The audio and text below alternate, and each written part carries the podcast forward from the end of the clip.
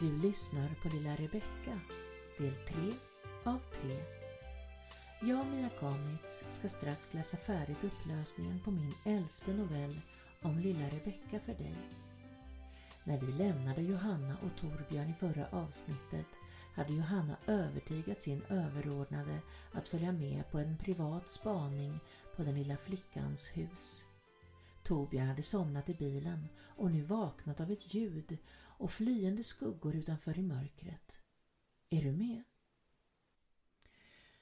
Torbjörn vaknade av ett ryck och var inte säker på om det var ett ljud som hade väckt honom. Vit imma bolmade ut ur hans mun när han andades. Det var iskallt i bilen och han var stel i kroppen och ensam. Johanna var inte där. Så infernaliskt typiskt henne. Han fick en oroande värk i magen och var samtidigt arg på sig själv för att han var så svag. Det var sanningen. Men det var mot henne han skulle rikta denna kokande vrede. Han skulle... Plötsligt blev hans tankar avbrutna av en snabbt passerande skugga bakom bilen. Han ryckte till och drog handen över den immiga rutan och fick precis se ännu en innan den försvann in mellan huskropparna. Han var snabbt ute ur bilen och sprang på stela iskalla ben mot gränden. Han hade inte hunnit se om det var Johanna, men han var säker ändå. Hon hade fått korn på något. När han rundade hörnet och kom in mellan husen var gränden tom. Men han hade hört en kraftig smäll och såg sig nu om i den skumma natten efter en dörr. Det fanns mycket riktigt källardörrar på sidan av hyreshusen. Täta berberisbuskar växte taggiga och dolde järnledstången ner för den branta och smala betongtrappan till källarplanet. Han var snabbt fram och fick upp den tunga metalldörren. Den borde såklart varit låst, men som så många andra dörrar hade den vandaliserats för att man lättare skulle ta sig in och ut och röra sig genom husen och ta sig upp i olika uppgångar. Han hörde springande steg framför sig i mörkret. När han passerade en rödlysande lampknapp slog han till på den men inget hände och han tvingades slå av på takten. Mörkret var alltför kompakt. Han trevade sig den sista biten fram till den första uppgången och kände sig lättad när han kom upp och ut ur den kalla nattluften igen. 50 meter längre fram på gatan stod deras bil parkerad och han tyckte att det satt någon inuti den. Det gjorde det också. Johanna vid ratten och en ung pojke med handfängsel i baksätet. Torbjörn såg att hans handled var fastsatt i baksätets handtag över bildörren. Han skulle kunna öppna dörren men inte ta sig ut med handen i behåll. Torbjörn öppnade passagerardörren och satte sig tungt. Vad lättare det hade gått om du mött upp oss här och stoppat honom, sa hon. Vad skulle du ut och springa om? Hon höjde på ögonbrynen i en frågande min. Jag... började Torbjörn och hans ilska hade nu kommit av sig. Sov ju! Men jag dunkade ju till i bilplåten när jag kom utspringande. Ah, vad är det som händer här egentligen? sa han irriterat och såg på den unga pojken som satt med håret hängande för ansiktet och blängde på honom. Möt Max, sa Johanna. Han ska följa med oss till stationen och förklara varför jag hittade heroin i taggbuskarna vid källaringången där borta. Det är fan inte mitt i alla fall, sa pojken hätskt. Lägg av Max, jag såg köpet och din kompis fick verkligen bråttom när han såg mig. Vi vill att du berättar vem det där var. En gammal gubbe. Ingen kände igen på rak arm. Käften kärring, du såg fel. Jag vill hem och sova nu, sa han fräckt. Johanna hade slagit ett hårt slag i ett plåtskåp när hon insett att det inte gick att behålla eller ens förhöra Max Rasmussen som hela tiden hävdade att narkotikan inte var hans och att han bara hade passerat. Mannen som Johanna sett försvinna från platsen hade han minsann ingen aning om vem det var. Efter ett par timmar var han släppt och Torbjörn tvingade sin kollega att åka hem och lägga sig och sova. De kunde besöka familjen på dagstid nästa dag för en pratstund. Om yrvädret följde hans råd var han osäker på men själv behövde han några timmars hemmavistelse. Han tände inte ljuset ens när han klev ur skorna hemma i hallen. Klädde inte ens av sig kläderna utan dråsade bara ner i soffan och låg där och tänkte intensivt med öppna ögon som stirrade rakt ut i det mörka rummet. Klockan hade passerat halv elva på lördagsförmiddagen när Torbjörn och Johanna klev på hemma hos familjen Rasmussen. Torbjörn hade beordrat Johanna tystnad för att själv sköta samtalet. Mm, ja, god förmiddag, började han. Jag heter Torbjörn Larsson och det här är min kollega Johanna Dag. Vi är här för att försöka klara upp ett litet missförstånd från i natt som involverade din son Max. Finns han möjligtvis hemma? Jag vet inte riktigt om han har vaknat än eller om han är hemma. Jag kan se efter, mumlade kvinnan som de förstod var Kristin. Om en stund, sa Torbjörn. Vi kan prata lite först. Det Torbjörn ville få fram var om Kristin kände till om sonen hade ett pågående drogmissbruk och få en känsla om hur kvinnan själv mådde. Han visste av erfarenhet att avslappnade samtal där inga anklagelser riktades mot någon oftast resulterade i fylligast svar. Han såg inte röken av någon liten flicka. Det enda liv som man kunde urskilja i lägenheten förutom hon själva var en missbildad katt som plötsligt kom och strök sig mot hans ben. Oj! Har den bara ett öra? sa han och strök lite på katten som var i magraste laget och hade en konstig utbuktning vid sidan av kroppen. Ett brutet revben kanske? Ja, Vax är nog hungrig, sa Kristin och reste sig och gick fram till kylskåpet och tog ut en burk kattmat som det stack upp en sked ur. Hon skopade upp ett par skedar på ett fat som redan stod på golvet med intorkade rester. Hon bytte också omsorgsfullt till nytt vatten i en skål och ställde den bredvid den glupskt ätande katten. Är det Rebeckas katt? undrade Johanna. Vår, sa hon och tände en cigarett. Var är hon? fortsatte Johanna, fast hon hade fått strängt talförbud. På sitt rum. Läser. Hur så? Kristin såg allvarligt på Johanna som genast visste att hon hade förstört samtalet. Det var ju för Max de hade kommit, inte Rebecka. Och nu hade hon säkert avslöjat deras motiv till besöket. Ja, vi får väl röra på oss då, sa Torbjörn och reste sig. Du får väldigt gärna höra av dig om det är något du tror vi kan hjälpa dig med. Det vore ju tråkigt om pojken skulle få problem med droger i så unga år. Han la sitt visitkort framför henne på köksbordets slitna vaxduk, vände på det och skrev hastigt ner sitt privata mobilnummer på baksidan och la sedan pennan och kortet på fönsterbrädet. Kvinnan satt kvar vid bordet när de gick ut i hallen. Alla dörrar man kunde se därifrån och in i lägenheten var stängda och för att vara en lägenhet som rymde tre personer så var det märkligt tyst. Ingen tv som stod på, ingen musik som brukar känneteckna ungdomars existens. Köket hade varit naket, ingen disk i diskstället, inga saker som belamrade köksbänken, ingen post på vare sig bord eller stolar och inga växter i fönstren. Inte ens en barnteckning på kylskåpet, sa Johanna när de satte sig i bilen. Klantarsel, var det enda han svarade henne. Hon suckade och lutade sig tungt mot sätet. Nu åker vi hem och väntar en vecka minst. Vad menar du? Men förstår du ingenting Johanna? Om det är så att det förekommer något konstigt i den här lägenheten så lär det inte göra det nu på ett tag när de vet att vi har ögonen på dem. Du såg väl att lägenheten var helt clean? Nyss hade vi en anledning att vara där. Vi hade Max att tacka för en inbjudan, men den dörren är stängd nu. Johanna såg Torbjörn försvinna i sin gamla blå Passat. Han hade släppt av henne utanför hennes lägenhet. Det var skönt väder och klockan började närma sig lunch. Hon vände på klacken och började gå ner mot parkeringen.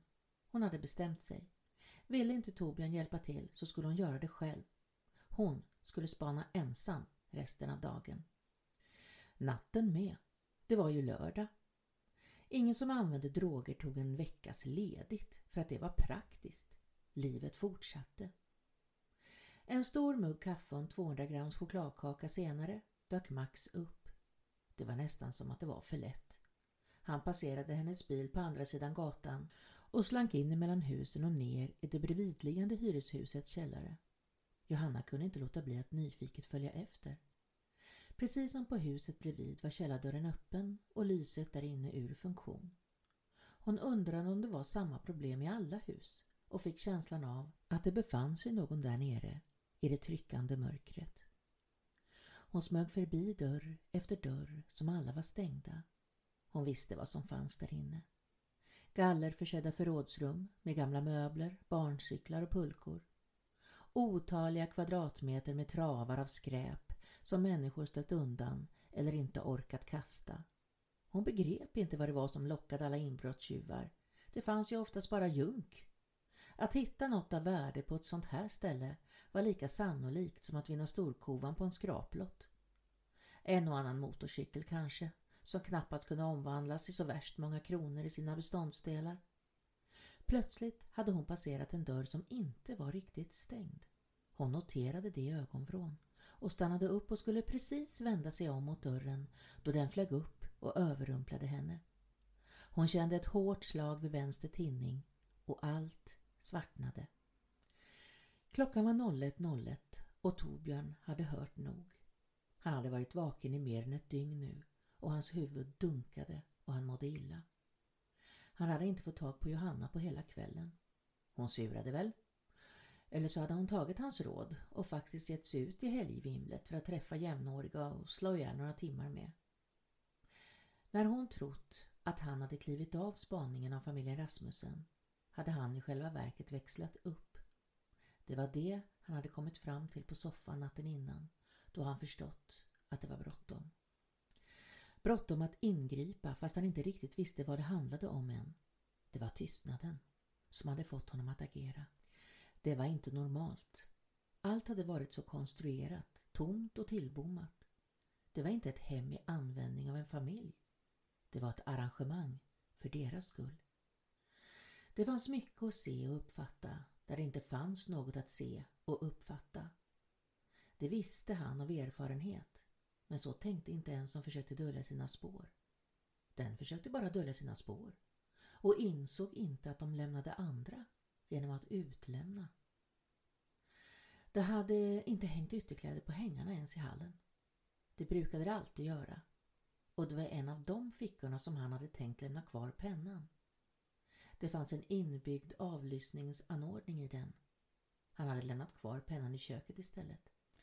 Vilket var ännu bättre för upptagningen så länge den fick ligga kvar. Han hade inte velat delge Johanna arrangemanget med detsamma. Hon kunde få en skev bild av hur man kunde göra när man egentligen inte hade något officiellt uppdrag. Det här var utanför deras befogenheter och kunde inte bli någon vana. Nu däremot, när tillslaget var ett faktum, kunde hon få vara med på ett hörn. Men hon svarade fortfarande inte. Torbjörn trodde att han hade en ganska klar bild av vad som försiggick i lägenheten nu, även om han inte hade hört allt som utspelat sig. Han hade lagt pussel med de ljudupptagningar som nu fanns inspelade och gick att lyssna på om och om igen i deras kontrollrum. Torbjörn var alldeles för matt för att reagera. Hade Johanna hört det han och teknikern hade hört hade hon exploderat som en supernova och inte nöjt sig förrän hon slagit sönder något. Eller någon.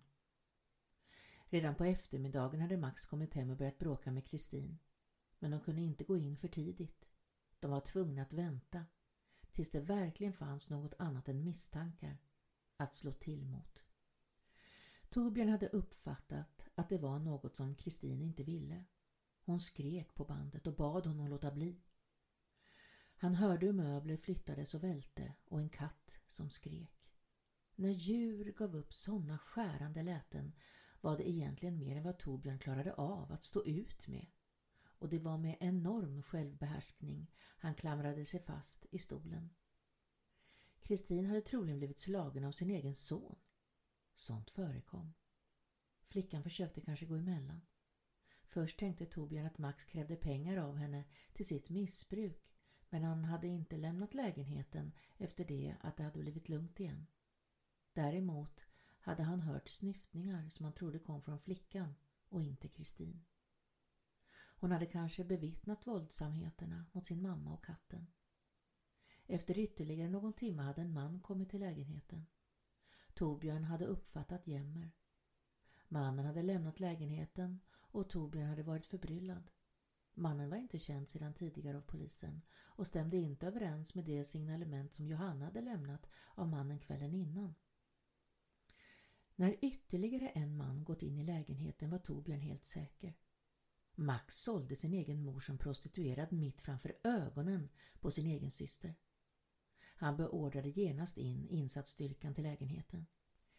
Händelseförloppet gick egentligen väldigt snabbt och var mycket intensivt. Men för Torbjörn spelade scenariot upp i ultrarapid. Han hade kommit in i lägenheten precis efter insatsstyrkan och när de trängde sig in i det tomma köket och vidare till den första stängda dörren och öppnat den såg Torbjörn Kristin ligga utslagen i sin säng. Hon var ordentligt nedbäddad och djupt sovande i ett vad han snart förstod heroinrus. Det var bakom en annan stängd dörr som de fann den okände mannen. Det var i Rebeckas rum. Han var fast. Max var fast. Det var för högt att kasta sig ut från ett fönster eller balkong från fjärde våningen för att komma undan. Det var chockerande, vämjeligt och genom hela tumultet sov en tvåbarnsmor tungt bortom allt vett och sans. Vid frukostkaffet på söndagsmorgonen försökte Torbjörn återigen ringa till Johanna. Han kom direkt till röstbrevlådan nu. Igår hade det åtminstone gått fram några obesvarade signaler innan röstbrevlådan kickat in. Som i en handvändning blev han orolig. Han hade lämnat flertalet meddelanden på hennes telefon och nyheten om ett tillslag i en lägenhet på Äppelstigen var redan på radion. Att hon inte hört av sig, det var märkligt. Hade hon fått napp på krogen och följt med någon hem? Nej, inte så frustrerad som hon hade varit. Hon hade snarare sökt upp någon att komma i handgemäng med.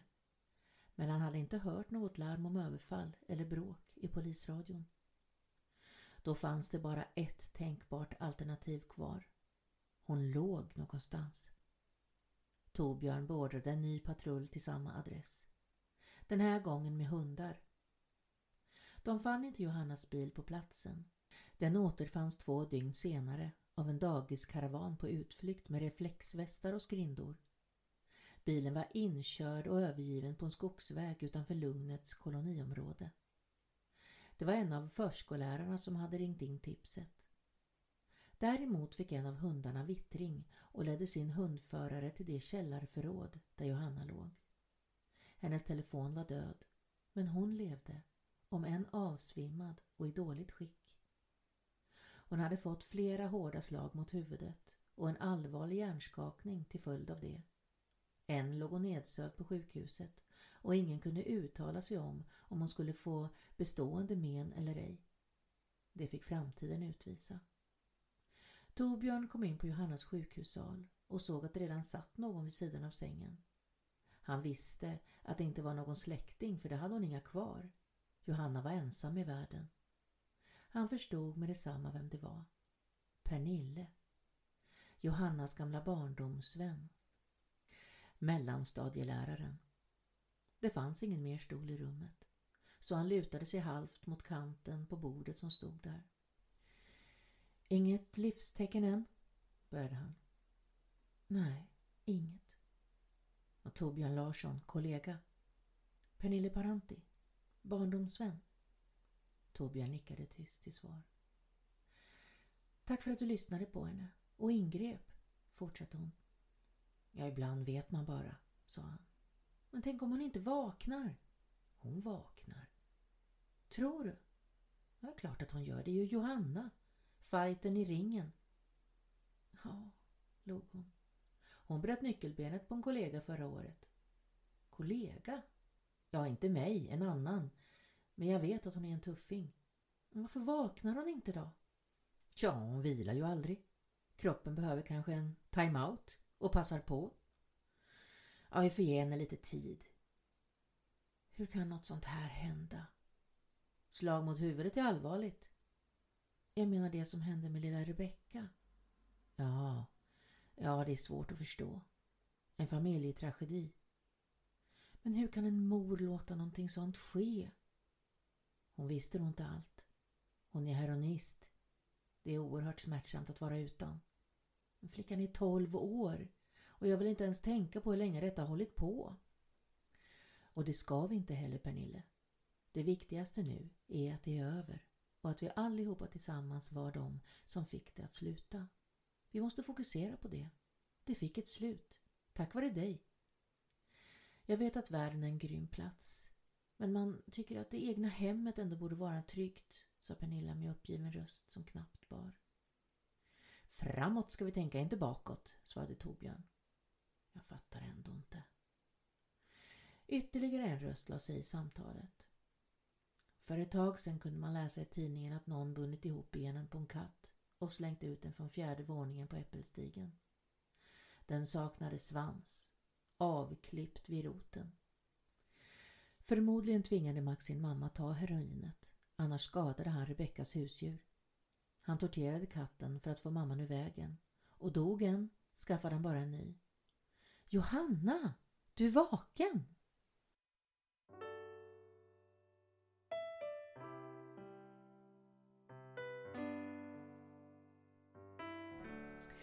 Tack för att du har lyssnat.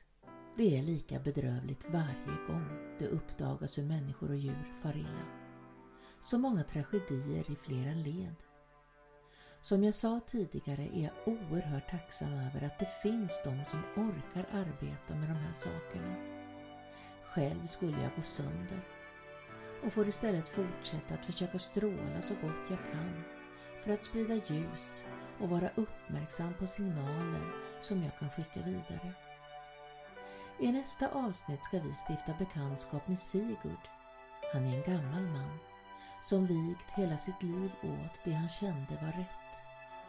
Han har gjort enorma uppoffringar och varit trogen sin lott i livet. Beundransvärt och förskräckligt på samma gång. Hoppas du blir nyfiken och vill lyssna vidare. Ta hand om dig nu tills vi hörs igen.